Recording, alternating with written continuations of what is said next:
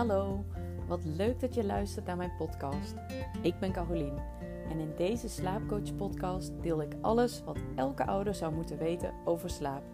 Ik geef praktische tips, slaapoplossingen en adviezen zodat je jouw kindje kunt gaan helpen aan meer slaap en zodat jij zelf weer energiek en fit de dag kunt starten en weer volop kunt genieten van jouw gezin.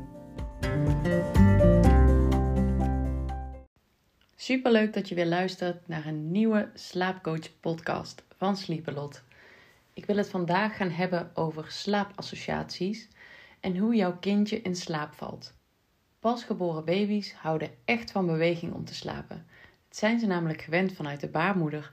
Het is dus niet gek dat de meeste baby's het ook heerlijk vinden om in jouw armen te slapen.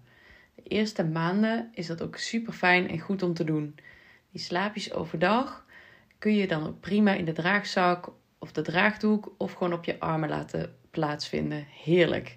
Geniet ervan, want serieus, voor je het weet, rent je kindje rond en uh, kan hij of zij al praten. Wel belangrijk is om te weten, is wat niemand je vertelt als je je kindje altijd laat slapen in je armen, is dat er een moment komt dat het wel handig zou zijn als je je kindje ook af en toe neer zou kunnen leggen. In de kinderwagen, in zijn wiegje of in de box zodat je gewoon even je handen vrij hebt om zelf een dutje te doen, even te slapen, even lekker te douchen, iets te eten of wat op te ruimen in huis. Nou, sommige baby's kun je gewoon heel makkelijk slapend in een bedje overleggen, maar voor andere baby's is dat een stuk lastiger. Ze zijn zo gewend om in je armen te slapen dat hun wieg vreemd voelt en onbekend. En slapen in die wieg kan dan ook erg lastig geworden zijn. Maar voordat ik je wil uitleggen uh, hoe je dit kunt voorkomen, wil ik eigenlijk eerst meer vertellen over slaapassociaties. Onbewust worden baby's namelijk na de geboorte afhankelijk van een handeling of van een voorwerp om in slaap te vallen. Dit noemen we een slaapassociatie. Het zijn eigenlijk dus gewoon dingen die jouw kindje associeert met het in slaap vallen. Het is geen goede of slechte gewoonte, maar het maakt gewoon echt deel uit van de manier waarop je kindje gewend is om in slaap te vallen. En ieder kind heeft een positieve slaapassociatie, of eigenlijk meerdere positieve slaapassociaties nodig om goed te kunnen slapen. En wat is nou een positieve slaapassociatie? Nou, we noemen het positief als het een associatie is die niet midden in een slaapje of midden in de nacht hoeft te worden herhaald. Het blijft dus constant en hetzelfde gedurende de hele slaap. Een voorbeeld hiervan is bijvoorbeeld een, een inbakerdoek of een lekker warm slaapzakje waar je kindje in slaapt. Witte ruis die continu speelt. Een knuffeltje of knuffeldoekje uh, wat in het bedje van je kindje ligt. Dit is dan voor oudere baby's die niet meer ingebakerd zijn en al in een uh, wieg slapen. Dus ouder dan zeven maanden raad ik meestal aan. Een donkere slaapomgeving is een goede uh, positieve slaapassociatie. En bijvoorbeeld een helder en duidelijk bedritueel voor het slapen gaan. Dan bestaan er ook minder handige slaapassociaties. En dat zijn associaties waar de baby of het kindje zijn ouders nodig heeft, omdat ze die zelf niet kunnen bedienen. Belangrijk om te weten is dat ik ze bewust niet negatieve slaapassociaties noem, want er is niks mis met deze slaapassociaties. Het is alleen dat je kindje niet in staat is om het zelf uit te voeren en daarom ligt de taak automatisch bij de ouders om het steeds te herhalen. Daarom noem ik ze ook graag afhankelijke slaapassociaties.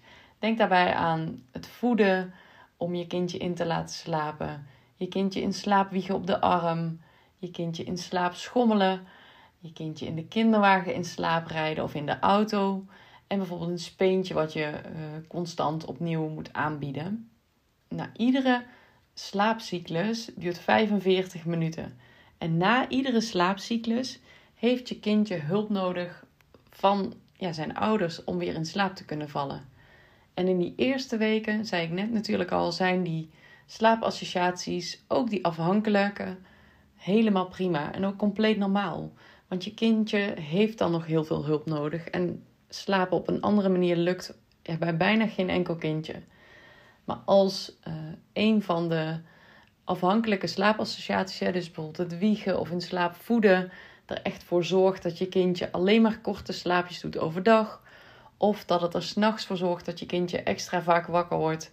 dan is het wel goed om iets te veranderen. Het is zowel voor jou als je kindje belangrijk om een goede kwaliteit van slaap te hebben. Als je kindje bijvoorbeeld s'nachts meerdere keren wakker wordt en pas weer in slaap valt als jij eh, hem weer eh, keer op keer in slaap gaat wiegen, dan is je kindje echt afhankelijk van jou geworden. Jij moet hem steeds weer helpen om terug in slaap te komen. Nou, als je nu denkt: help, ik wil mijn nachtrust terug. En uh, is je kindje ouder dan 12 weken, dan kun je hier aan gaan werken. Hoe je dat kan doen is door je kleintje te gaan laten wennen aan positieve slaapassociaties, waarbij die jou niet steeds nodig heeft om goed te kunnen slapen. Verwacht niet dat je pasgeboren kindje van de ene op de andere dag wakker in zijn wiegje kunt leggen en dat ze dan vanzelf in slaap vallen.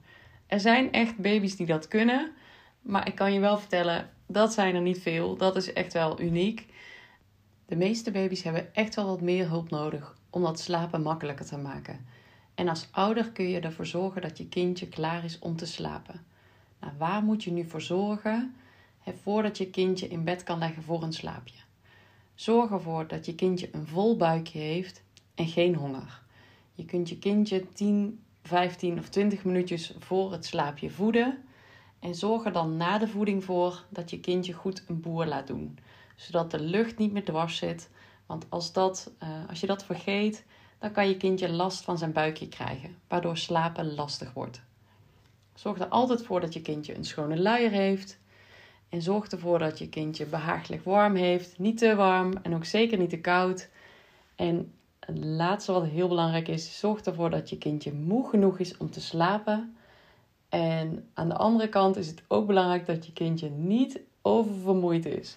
Omdat hij bijvoorbeeld te weinig geslapen heeft overdag. Dus moe genoeg, maar niet te moe. Dat zijn eigenlijk basisdingen waar je altijd voor moet zorgen voordat je kindje in bed legt om te slapen. En daarnaast kun je dus gaan zorgen ervoor dat je kindje gaat wennen aan positieve slaapassociaties die elk slaapje constant zijn. Je kindje gaat deze slaapassociaties koppelen aan het slaapmoment. Denk hierbij aan eh, het inbakeren van je kindje voor een geborgen gevoel.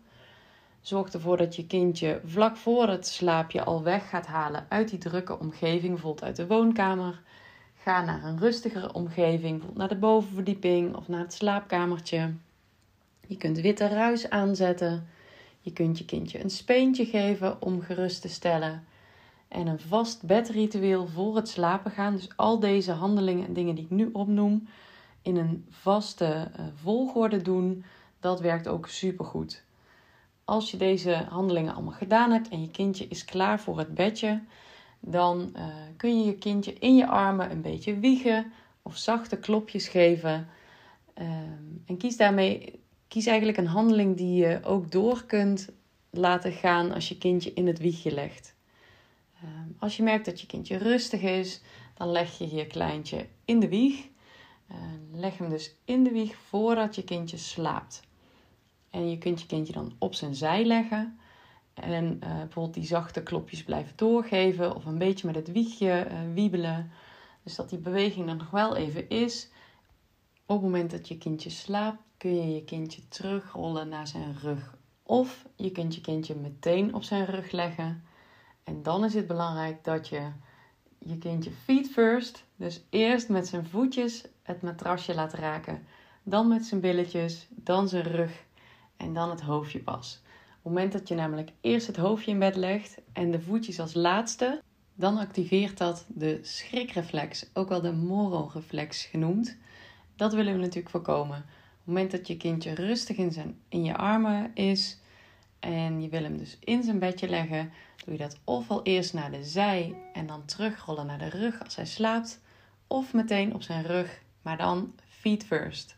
Je kunt dus echt pas gaan werken aan het zelfstandig in slaap leren vallen vanaf dat je kindje een week of twaalf oud is. Je gaat hem dan echt steeds iets wakkerder in zijn bedje leggen. Dit zal echt niet van de ene op de andere dag lukken, maar dat gaat echt stap voor stap, net zoals bij het leren lopen.